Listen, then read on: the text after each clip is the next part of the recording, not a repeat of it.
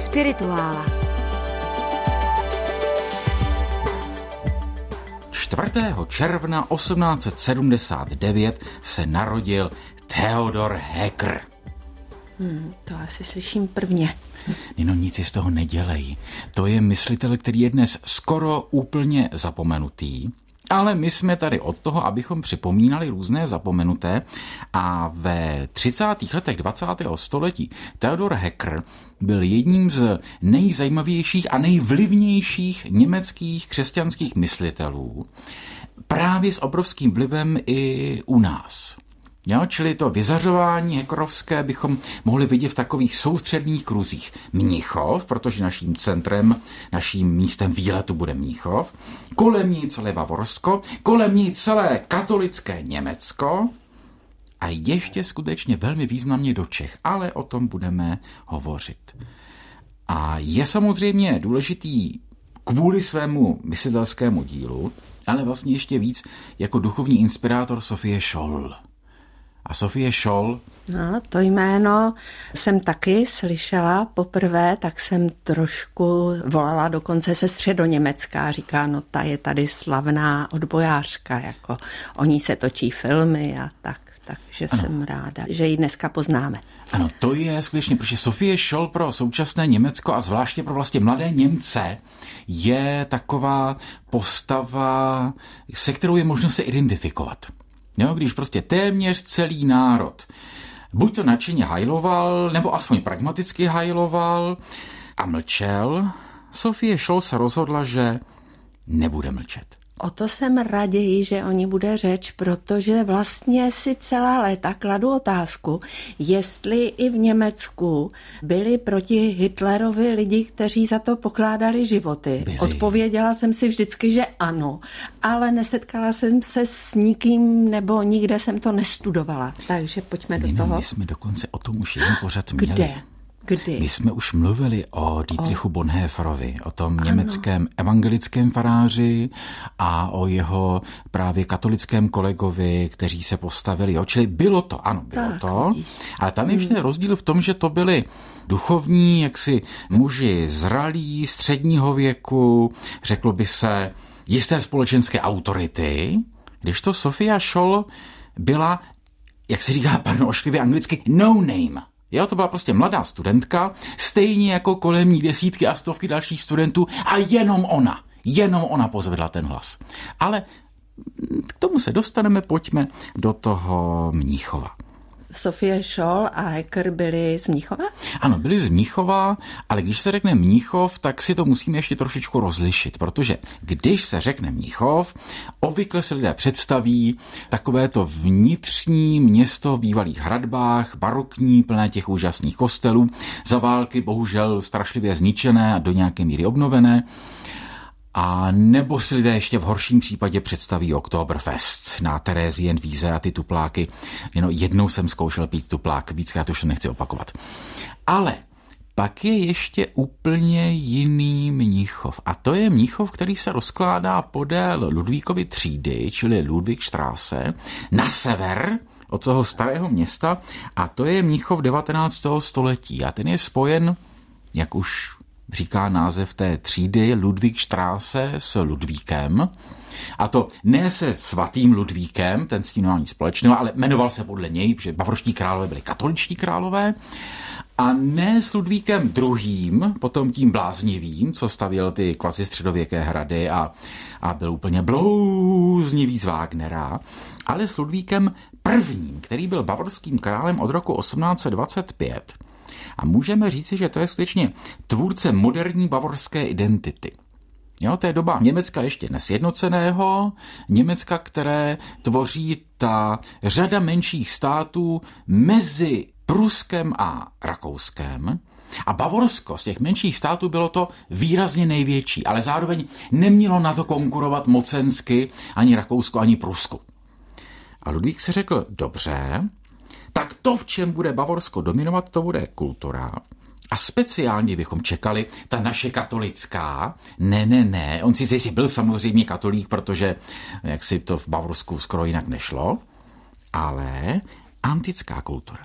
Ludvík Bavorský, ten první Bavorský tedy, je nadšenec antické kultury. On strávil své mladá léta v Itálii, kde žil vlastně trošku inkognito, ale vědělo se samozřejmě, že to je bavorský princ nastupující tedy. A když nastoupil, tak se rozhodl, že vybuduje vedle toho starého barokního a pivního města nové, ve stylu antickém, italském, takže podél té Ludvíkštráse eh, nebo velmi blízko u ní jsou budovy té nové univerzity a Ludvíkova kostela a glyptotéky neboli budovy pro ty antické sochařské sbírky a tak dále a tak dále. A řekl si tak a tady bude to prostě, je to Bavorsko, které tvoří jakési Řecko severu. Takže se dokonce říkalo tehdy Atény na Isaře. Mm-hmm. Isara je řeka, která tam teče, buď se říká Izar nebo Izara. A trošku potom se to legračně napodobovalo v Čechách, kdy se říkalo jeho české Atény, mm-hmm. hanácké Atény. Tož... Mně tedy ta pseudoantika moc sympatická v architektuře není, tobě snad ano? Velmi záleží. Jo? Ono to, samozřejmě často to bývá takové jako vnější napodobování, eh, tam jde hodně o rozměry. Obvykle čím je to dál od začátku 19. století k současnosti, tím je to rozměrnější a monumentálnější a vlastně už tak jako prázdně patetické. No ty právě. Lidi... Ano, já vím, ale jak je chápu. Já to řeknu takhle. Možná k tomu mám ještě jakýsi specifický vztah, protože já jsem tam rok žil. Uh-huh. A co jsi tam dělal? Já jsem byl do Mníchova studovat ruskou emigrační literaturu. To bylo, když si to byl vlastně můj první po revoluci zahraniční pobyt, dostal jsem nějaké stipendium. Jistě by býval mnohem logičtější je do Paříže. Jenže no, já jsem neuměl francouzsky, tehdy to je velmi jednoduché, takže jsem si požádal do Mníchova, kde se knihovny byly, takže ta literatura tam všechna byla, nějaká komunita tam byla kolem Rádio Svobodná Evropa a podobně. A vlastně trávil jsem ten rok právě při té Ludvíkštráse. A chodíval jsem Ludvíkova kostela v namši nedělní a vždycky jsem se dával v lavici, kde nade mnou byla cedulka zde kázal Romano Guardini. Jo, tak to tě omlouvá. Takže já jsem se nějak jako trošku zamiloval, ten Mnichov. A ještě poslední vlastně k tomu jako místopisu. Naproti tomu kostelu nebo kousíček na, prostě na druhé straně je budova univerzity, tedy zase Ludvíkovy a Maximiliánovy univerzity a to náměstíčko před ní se právě jmenuje Geschwister Scholl Platz, to znamená náměstí sourozenců Šolových, jo, čili Sofie Scholl a jeho bratra, přičemž ale tu iniciátorskou roli měla ona, čili v Mnichově skutečně ta Sofie Scholl, jak si v centru pozornosti, to je to, jak si univerzitní náměstí, možná vlastně trochu podobně jako u nás je náměstí Jana Balacha. Tak a my, ale než se dostaneme k Sofii Scholl a Hekrovi, tak vlastně musíme ještě zmínit jednu postavu, ta už je úplně zapomenutá, ale pro ten kontext, pro ten začátek, a to je ta postava, to je Karl Muth. Muth je navíc německy odvaha, což je velmi hezké, jo? čili prostě pan Karel Odvaha. A to byl takový katolický publicista, který léta páni 1898 rozvířil vody tehdejší velmi usedlé německé katolické kultury brožurou Steht die katholische Belletristik auf der Höhe der Zeit – neboli stojí-li katolická beletrie na výši doby a říká, no, nestojí. Je mizerná, lidovýchovná, didaktická, patetická, neumělecká a ty skutečné umělecké kruhy z ní mají leda švandu. To se katolíkům samozřejmě většinou nelíbilo. Říkat katolíkům, podívejte se na tu vaší subkulturu, jak je jo, jaké má, řekněme, své neušlechtilé podoby, to se katolíkům obvykle líbí, tak komu by se to líbilo? když jim říkáte, podívejte se na sebe. A Mood se rozhodl, že jak si povýší tu katolickou literaturu, udělá z ní legitimní součást národní kultury a založil roku 1903 v Mnichově časopis Hochland což bychom mohli přeložit jako vysočina, výšiny, vysoká země. Jo, prostě směřujeme k výšinám, směřujeme k umělecké úrovni. Ale měl problém, že neměl autory. Takhle, různých pisatelů bylo, pisatelů a pisatelek je vždycky spousty. Ale trvalo to dlouho, než se objevila skutečná hvězda kterou on v tom časopise fedroval jako tu, tu hlavní tedy ikonu německé katolické literatury. A to byla Gertrude von Lefort. A je, je. Od ní já četla věčnou ženu. Už ten titul, že jo, vytáhnu knihu a tenkrát bylo to před mnoha desítkami let, mě to hodně zaujalo, protože jsem dost sama řešila to, jestli teda úděl ženy je pracovat v skrytosti a jak ona říká, podílet se na mužově činnosti, jakoby skrytě přítomná, jakoby pod závojem, mm-hmm. přímo ten termín mm-hmm. používá. Pod hábitem, pod ano, hijabem. Ano, a ona říká, že jakmile se žena odhalí, tak padá její mystérium. Jo? A tak já jsem si to protože, já ti řeknu, proč jsem to brala vážně.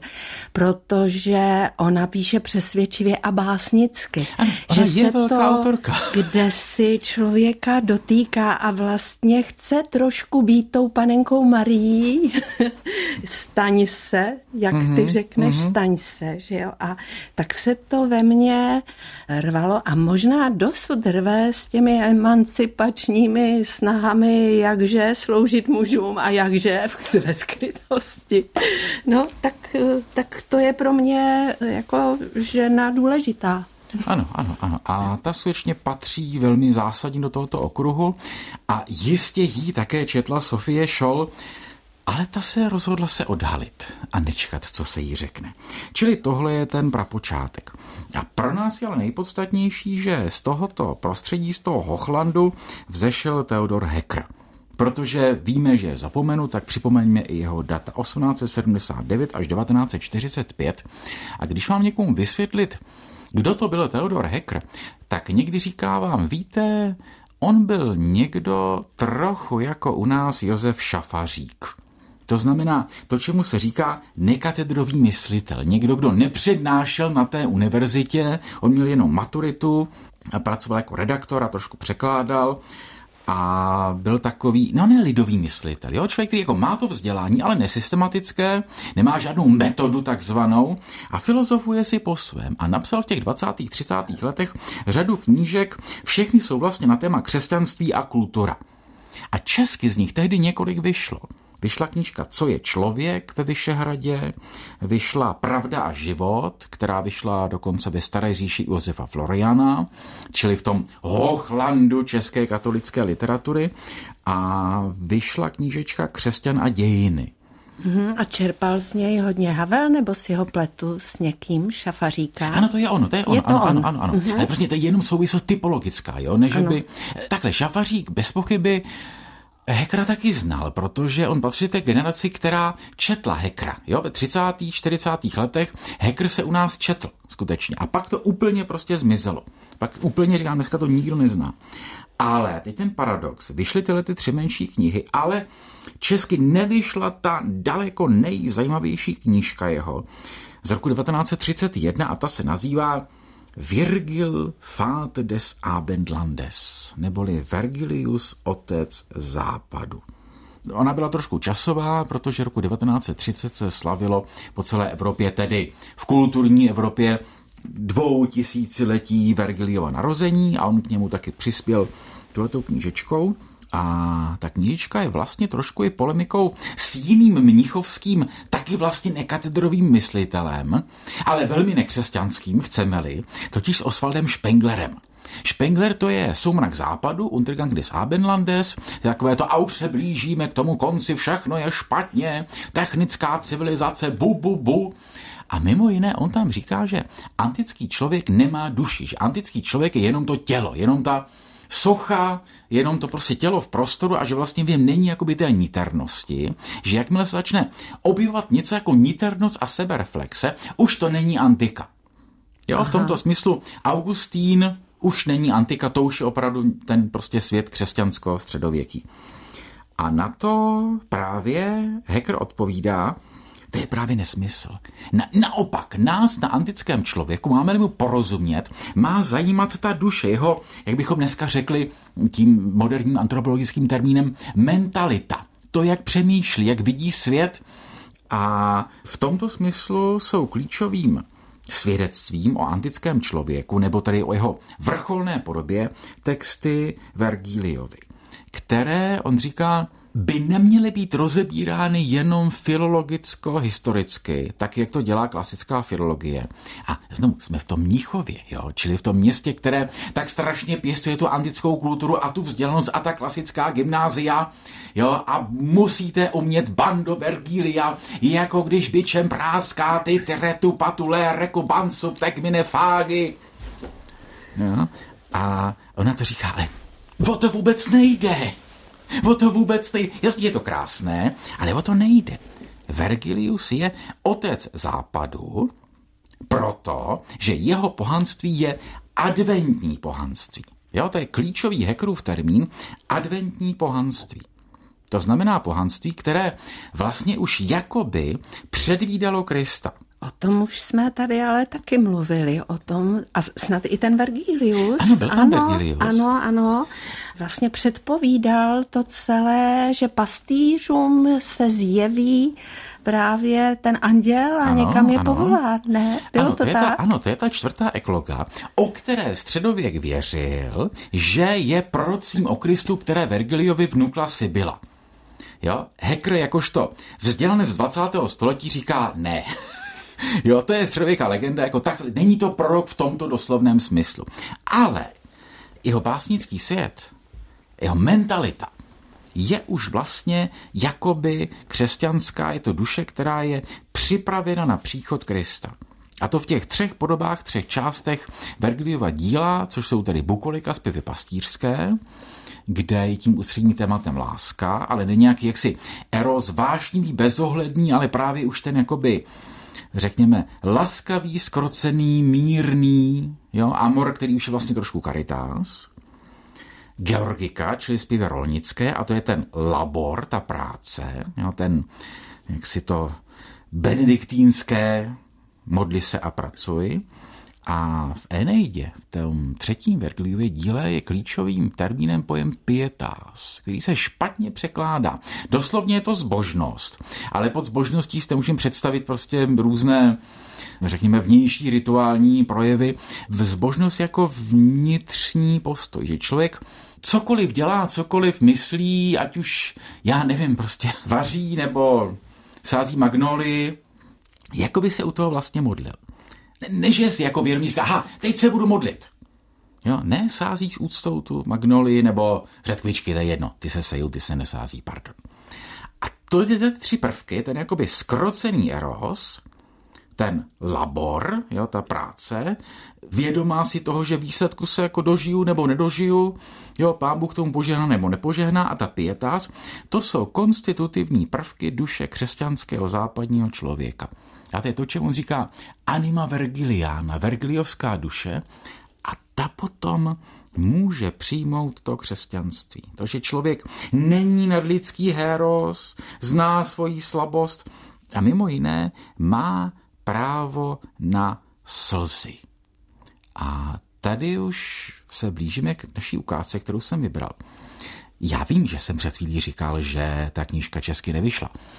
Oni zjevně v řádu chystali, v časopisu řád, chystali patrně vydání, takže tam vyšly časopisecky dvě kapitoly z ní a potom pravděpodobně došlo i v protektorátu k zákazu, protože hacker, jakožto filozof nenacistický, byl zakázán, nic mu teda neudělali, ale prostě nesměl už vydávat a patrně ten zákaz došel i do protektorátu, čili už ta knížka nevyšla a zbyly jenom tyto dvě kapitoly, ale je tam právě i ta úžasná kapitola o slzách. Mezi člověkem a osudem se prostírá moře slz. I to ví a říká Vergilius. Člověk by mohl někdy téměř myslit, že Eneas, praotec Cézarů, On, veliký mužný hrdina, který nejen, vynesl na svých silných plecích starého otce a penáty z hořící troje, nýbrž měl na nich nést jako druhý atlas nevýslovné břímě všech činů a zločinů svých potomků a římského impéria, jež nemělo nikdy zajíti a jež ještě dnes tajně trvá, že on, Eneas, pravzor římských hrdinů, měl dar slz, donus lacrimarum. Volně, přirozeně a nesentimentálně a vlastně neřímsky tryskají vůdci slzy jako odpověď na události, jež, jak to i hned najdeme potvrzeno jedním nesmrtelným půlverším, nevyžadují a neposkytují žádné jiné odpovědi. V prvním zpěvu se vypráví, jak Eneas bloudí po přestálé bouři nepoznán sály Didonina paláce v Kartágu a náhle se odstne před obrazy zániku Troje.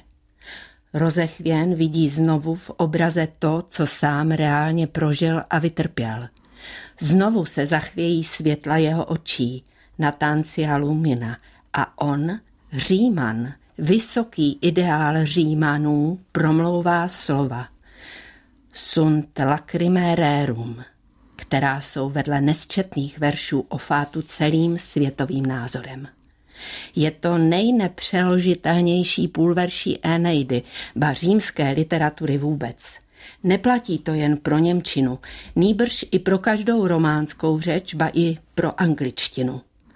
Půlverší je skrz na skrz latinské, neříká jen v prvním naprosto banálním výkladu, že jisté věci jsou člověkem oplakávány, nýbrž, že i věci sami mají své slzy, nebo lépe, že jsou věci, jež nejsou uspokojeny žádnou jinou odpovědí, kromě slz, jež nejsou poznávány, nejsou vyrovnávány ničím jiným než slzami a někdy ani těmi ne.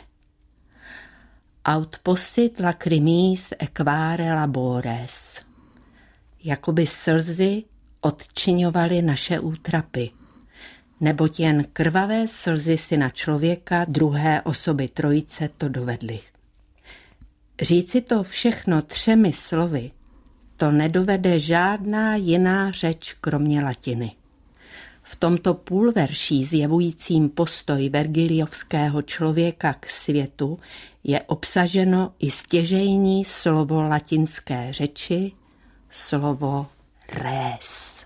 Tak a tady navazuje Hekrův úžasný výklad o tom, co to je res. Ta res je doslovně věc, ale to je třeba odvozeno potom taky res publika, věc veřejná, čili stát, a mnoho jiných věcí, mnoho jiných pojmů, které v latině jsou odvozeny od toho res. A on říká, a to je celá ta latinsko-zřímskost, ta věcnost. Jo? Římskost to nejsou žádné teorie, římané nikdy moc nefilozofovali.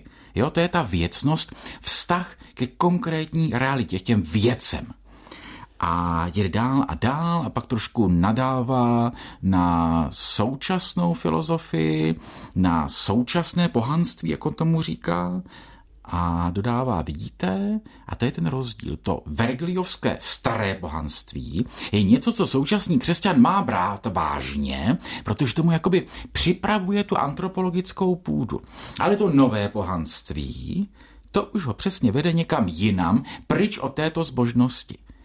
A jelikož ta knížka vychází v Mnichově roku 1931, tak ačkoliv tam vůbec nemluví o současné politice, je každému jasné, o co jde, že to je varování před tím nastupujícím nacismem a jeho novopohanstvím. A před tím jejich hlášení se k antice, jako k té mužné, které přece nikdy nepláče, která pochoduje, to jsou ti cézaři, ti legionáři, jo, ti anticko-germánští hrdinové. Hekr říká, ne, Eneas pláče. Hmm. Jo? Čili to je vlastně implicitní polemika. A zároveň, když připomíná Němcům a pak dalším Evropanům ty společné římské kořeny, je to také vlastně slovo proti tomu nacionalismu. Jak říká, toto máme všichni společné. I Němci, i Francouzi, i Italové a prostě všichni máme společné tyhle ty kořeny. Čili to není knížka, ve které by se říkalo, Hitler je vůl, což v roku 1931 by se teoreticky ještě mohlo, hmm. ale tak jako nepřímo říká, celá ta ideologie nacismu je vlastně eh, chybná a špatná. Hmm. Ale ta naše hrdinka dnešní, kterou celý pořád začal, tak ta už to říkala naplno. A ta, ta... už to říkala naplno. respektive říkala a konala. Říkala a konala to, co vlastně se naučila u Hekra v neoficiálních seminářích, protože Hekr, jak jsme říkali, byl nekatedrový myslitel, stejně jako ten šafařík, pořádali ty bytové semináře, Jo, bytový seminář je skvělá věc, zvláště v době, kdy oficiální univerzitní výuka je z nějakých důvodů špatná, bezduchá, toxická a podobně. A kolem ní se prostě scházel kroužek mladých lidí. Mezi ním je ta Sofie Scholl, která mimo jiné pod jeho vlivem vlastně konvertovala, že ona měla původně nějaké jiné kořeny, nikoli v židovské, ale prostě k tomu vědomému katolicismu se dostala vlastně skrze něj a studovala, bylo jí vlastně 22 a rozhodla se, že založí odbojovou skupinu v Mníchově v centru říše roku 1943 jo, kdy vůbec nebylo žádné reálné naděje, že v dohledné době se něco stane, něco se změní. Věděla, že nemá k dispozici žádné reálné prostředky a přesto se rozhodla, že založí tu skupinu a že budou šířit protinacistické letáky. To už je dneska zpracováno, je to množství knih o ní, různých, takže do detailu je přesně proskoumáno a její komentáře a samozřejmě nedosáhla ničeho, pochopitelně věděla, že jde do podniku, který velmi brzy skončí, tak jak musel prostě na popravišti pro ní, pro jeho bratra, pro ty ostatní, kteří se zúčastnili. Říká, já to prostě jako musím udělat. Pro mě se tady, Martina, otevírá ještě další téma a sice odpovědnost eh, filozofů, těch vůdčích lidí, kteří přednášejí mladým a ti mladí je vezmou vážně a jdou a položí život. Ano, ano, přesně tak. A naštěstí, jak vždycky jsou. Naštěstí se vždycky najdou, ale jsou, abych tak řekl, vždycky jsou to spíše výjimky. Já. I mezi těmi učiteli, i mezi těmi studenty, mezi těmi faráři, jak katolickými, tak evangelickými, vždycky jsou to výjimky. V Německu byly stovky katolických a evangelických farářů. Jo? ale kolik se jich jako Bonhoeffer toho účastnilo. U nás byly taky desítky univerzitních profesorů, kolik jich podepsalo chartu. Ať už těch, co vyučil, nebo těch, co už byli jako, ale i těch, co byli vyhozeni po 68. kolik jich podepsalo chartu a tedy a tedy.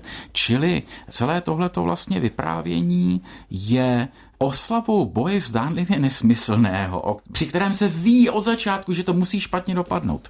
A když celou dobu tady hovoříme o těch antických předobrazech, jsme v tom antikizujícím Mnichově, no tak tady pochopitelně člověka musí napadnout postava Antigony. To je prostě archetypální řecké hrdinky, která říká, ne, prostě to jako to tělo Vyšší poražené. zákon je tady, než je tady zákon boží tvůj. zákon, hmm. jo, a prostě zákon velí tělo pohřbít, ač je to tělo vlastně poraženého nepřítele, jak to všichni známe ze Sofokla, případně z dalších zpracování.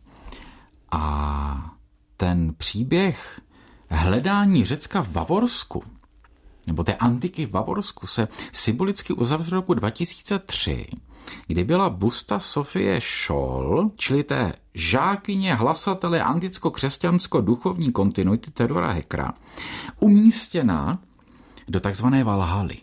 To nejsme v Mnichově, to jsme u Řezná, kde stojí Partenon, představ si prostě atenský Partenon, ale nový z 19. století, ale jmenuje se Valhalla, jo, jsou tam umístěny bysty nejrůznějších hrdinů německých a roku 2003 tam právě přidali Sophie Scholl a říkalo se, jestli vlastně tu protinacistickou hrdinku mají dávat do toho památníku německého nacionalismu.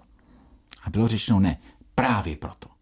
Právě proto, že ona ukazuje, že ten příběh, kdy Němci hledají skrze antiku a křesťanství nějakou cestu do budoucnosti, může mít i dobré vyústění, dobré pokračování, čili Sofia Scholl v antické Valhale Partenonu a z ní plynoucí jasná výzva.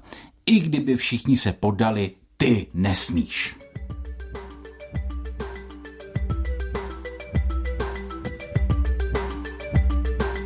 Podcast Spirituála Duchovní Evropa poslouchejte na webu Českého rozhlasu Vltava, aplikaci Můj rozhlas a na dalších podcastových platformách.